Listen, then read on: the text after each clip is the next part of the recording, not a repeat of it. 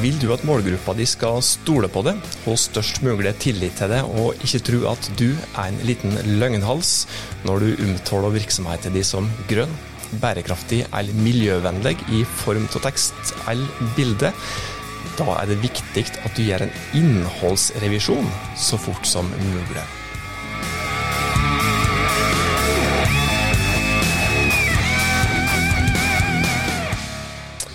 Hei, hjertelig velkommen til Hauspodden, podkasten fra fagfolket i Haus, som i dag kan ønske deg velkommen til en ny sesong av denne podkasten. Og så er jeg faktisk eh, kommet til sesong fire, og totalt så har det faktisk blitt 144 episoder av denne podkasten her. Og en ekstra takk til det eller dere som har vært med helt siden starten, siden faktisk episode én, som jeg i hvert fall vet at det er et par stykk som har, har vært. Men for eventuelt nye lyttere, da, så er jo da Hauspodden podkasten for det som ønsker enkle, men effektive tips til hvordan du kan nå små og store virksomhetsmål. Eh, og det er sjøl om du ikke nødvendigvis har mange mange, mange millioner i budsjett å rutte med, er verdens største backup når det gjelder kollegaer i f.eks. For form av et gedigent markedsføringsteam i ryggen. Dagens vert det er Tormod eh, Sperstad, og i dag så skal du da ja, skal rett og slett gi deg et lite komme med en liten like rød varsellampe til dem som kaller seg grønne virksomheter. Eller jeg vil si ikke nødvendigvis alle, vi skal ikke shame noen her, men det handler litt om, om, um bærekraft i denne podkastepisoden her, som det kommer til å gjøre i flere episoder framover, for dette er et eh, stort og viktig tema tema som oss i Haus er ordentlig, ordentlig opptatt eh, av. Og skal vi touche litt innom eh, grønnvasking òg, når vi eh, naturlig nok innom at vi er inne på dette her temaet her i, i dag. Og grønnvasking er jo da at du prøver, ubevisst eller bevisst, å framstå som mer bærekraftig når det går på miljø, sosial eller økonomisk bærekraft enn det som du i realiteten er. Og dette her er fokus som aldri før. Altså Grønnvasking det blir stadig mer i fokus, folk blir mer og mer bevisste på det. Og så er det slik at Grensa for hva som blir ansett som grønnvasking, det har endra seg den siste tida. Kundene dine er mer bevisste på det enn før, eh, så i verste fall så mister du faktisk kunde hvis du blir oppfatta som en grønnvasker gjennom måten som du kommuniserer på. Og Det kan òg få direkte økonomiske konsekvenser for virksomheter der du jobber, i form av bøt fordi du bryter f.eks. markedsføringsloven. Og så er det òg en innskjerpelse i form av et nytt lovforslag fra EU på trappen akkurat nå, som gjør at dette her vil bli strengere enn før. Og Da er vi eh, med en gang inne på hovedgrunnen til at det er innholdsrevisjon som blir hovedtema for denne sesongens eh, første episode av Hauspodden. For en innholdsrevisjon, revidere alt innholdet ditt, det er viktigere enn før og det er aktualisert i form av f.eks. det nye lovforslaget fra EU, som går på at det da er strengere Altså det er strengere kriterier for hva som kan kalles grønnvasking og ikke grønnvasking, i form av den kommunikasjonen som, som du gjør. Jeg skal komme nærmere inn på det litt senere. En innholdsrevisjon, da, som da er kjernen i det som vi skal prate om, det er et stort tema, og ikke noe som vi kan prate om i bare denne episoden. her. Det har vi rett og slett ikke tid til. Eh, innholdsrevisjon er noe som du bør gjøre med jevne mellomrom, der du ser på absolutt alt av innhold i forhold til de overordna forretningsmålet som du har sett eh, i virksomheten der som du jobber. Men stutt fortalt, da, så, så, går du da over alt av innhold. Eh, ikke bare tekst, men òg bilde, logo, fargebruk faktisk òg i form av ja, alt som du har på både digitalt og, og trykte flater. Og, og dette her er veldig veldig viktig, og når jeg da sier fargebruk òg, så er det da spesielt viktig når det gjelder dette her med grønnvasking. At du ikke da bevisst eller ubevisst driver med nettopp det. Og Så kan du da stille spørsmålet, da. Hvilken god kontroll har du egentlig på innholdet ditt? Det vet jeg at oss i Haus fort blir svar skyldig her òg. Når sist gikk du f.eks. gjennom nettsidetekster di og firmabrosjyretekster di, som du skrev i kanskje 2018? Når sist gikk du gjennom fargepaletten din og de visuelle ikonene som du bruker på nettsida, kanskje på produktkatalogen eller i en eller annen flyer som du har der du jobber? Det er sannsynligvis på tide å gjøre en innholdsrevisjon, både fordi at dette er noe som du bør gjøre med jevne mellomrom, uansett om vi prater om grønnvasking eller ikke.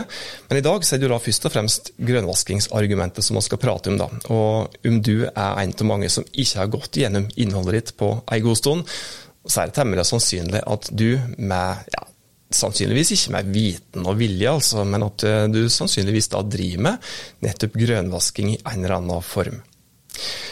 Og Grønnvasking det er jo da som sagt at du, at du framstår som mer bærekraftig når det gjelder klima eller den menneskelige dimensjonen til bærekraft, enn det som du i realiteten er, bevisst eller ubevisst. Og Enkelt forklart eh, så er det slik at det som du påstår, både gjennom ordbruk og visuelle virkemiddel, det må du kunne dokumentere. Hvis du sier at tjenesten som du leverer er bærekraftig, så må du òg kunne dokumentere den påstanden din. Og hvis du ikke gjør det, så driver du med grønnvasking. Uh, ja, Anna, hvis jeg skal fortsette med en enkel forklaring til, hvis du da prøver å framheve noe som er miljømessig positivt, som ikke er hele sannheten om et produkt som du leverer, så er det faktisk òg en form for grønnvasking. Du kan f.eks. Hvis, hvis du er en elektrisk tannbørsteprodusent eller en elektrobutikk, du kan ikke si at den elektriske tannbørsten din er miljøvennlig bare fordi at den er oppladbar, f.eks. Som andre ord, kunden eh, blir faktisk lurt det å ta valg som er mindre bærekraftige enn det som de tror at, eh, at det er. Eh, hvis det er tilfellet, så er det et konkret resultat av grønnvasking. Og På den måten så vil det òg ta lengre tid før bærekraftmål blir nådd, og slike ting likes ikke. Men hvorfor skal du da bry deg om grønnvasking? Er det noe så farlig å kalle seg miljøvennlig eller bruke ordet bærekraft, når en faktisk er opptatt av det, og kanskje også er både flink til å kildesortere og spore strøm i de lokale der som du holder til? Kan vi ikke kalle det grønnvasking? Jo, det kan en. Hvorfor? Jau, det handler bl.a. om at kundene dine er mer bevisste enn før det som du kommuniserte om miljø for kanskje to år siden, det ble kanskje tatt godt imot den gangen. Og I dag så kan det godt hende at det samme budskapet gjør at målgruppa di ikke føler at du gjør nok, eller at du i verste fall prøver å dekke over eller sminke grisen da at du gjør det bedre enn du er. Og Regelverket er òg strengere enn før. eller det vil si Lovverket rundt villedende markedsføring f.eks. har jo hele tida vært der. Og Det gjelder òg hvordan du markedsfører virksomheter din når det gjelder bærekraft. Bærekraftperspektivet det gjelder også, eh, er òg knyttet opp mot, eh, mot, lovverket rundt villedende markedsføring. Og Hvis du har fulgt litt med i eh, media i det siste, så har du kanskje også lagt merke til at Forbrukerrådet i Norge nå går aktivt ut og ber om tips. De vil ha tips til virksomheter som driver med nettopp grønnvasking, og det har visstnok begynt å komme inn nå. Og Hvis du bruker påstander som f.eks. Eh, du trenger ikke bruke ordet bærekraft, men f.eks. grønt eller eko eller miljø, uten at du da dokumenterer hva er det som gjør at produktet ditt eller tjenestene dine er mer bærekraftige, eller at du da markedsfører det med bilde, kanskje farger eller logoer som gir assosiasjoner til bærekraft, uten videre forklaring av bærekraftfordelene, så er det faktisk grønnvasking, og du kan bli tatt for det, og du kan bli straffa for det fordi at det er brudd på eksisterende lovverk. Eller brudd på det som i Norge da blir kalla for urimelig handelspraksis. Og ja, bare for å toppe det hele, så er det faktisk nylig etablert en såkalt grønnvaskingspris, da, som er en pris som du så absolutt ikke vil ha. Så fokuset på det, altså regelverket er der, men fokuset på det og det å følge regelverket opp, det er skikkelig innskjerpa i forhold til før. Ja, eh, hva skal du da gjøre, da? Eh, hva bør du gjøre? Eh, jeg har sagt at du bør gjøre en innholdsrevisjon, som da stort forklart betyr at du bør gå gjennom absolutt alt du har til innhold, alt av tekster. Du bør se på formulering og ordvalg, og se ekstra nøye etter i alle setninger der du har brukt grønt eller eko eller bærekraft eller ja, alt uh, andre som kan være knytt opp mot uh, en eller flere av de tre bærekraftdimensjonene. Så se godt på alle tekstene dine, og det gjelder alle flater.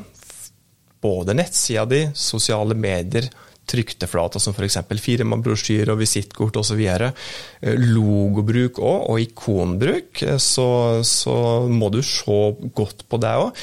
Hvis du f.eks. bruker et grønt blad for å prøve å vekke en miljø ja, For å prøve å, å gi leserne som ser budskapet ditt, en følelse til at du er ekstra miljøvennlig, så må du kunne forklare tilknytninger som det har til den visuelle påstanden din, faktisk. Og dette med logo, fargebruk, ikonbruk er ikke nødvendigvis så enkelt. Altså, det kan hende at det er lurt å alliere seg med fagfolk eh, der da, som, som kan dette her. Du må rydde opp. Eh, kanskje er det slik at du må skrive om. Kanskje må du bytte ut bilde, endre fargebruk da, som et resultat av en innholdsrevisjon. Og kanskje må du òg slette noe av innholdet som du, som du har. Da. Så Innholdsrevisjon er et stort tema, jeg nevnte vel det litt tidligere. Så det kan jo godt hende at vi skal ha en egen episode litt senere i Hauspodden som da forklarer litt nærmere, kanskje gir deg en trinnvis guide til hvordan du skal gjøre nettopp en innholdsrevisjon. Men nå er det viktigere, som sagt, bare for å prøve å runde av her, er det viktigere enn noen gang å gjøre en god innholdsrevisjon sett i lys av bærekraftkommunikasjonen din. Hvordan er det du kommuniserer om miljø eller en av de andre bærekraftdimensjonene. Hvis du ikke har ordentlig kontroll på dette her, så mister du tillit til kundene. Det kan føre til tap av omsetning, og du kan òg faktisk risikere at du blir tatt for brudd på eksisterende framtidig lovverk. Og Kanskje ekstra viktig da, som en fortsettelse her, så kan dette òg være en fin anledning for deg til å virkelig starte et systematisk eh, bærekraftarbeid i egen virksomhet. Da er det på tide å ta steget bort fra hovedtemaet i dag og prate om en liten framsnakk. For vi har jo dratt med oss uh, ukas framsnakk uh, i den nye sesongen til Hauspodden òg.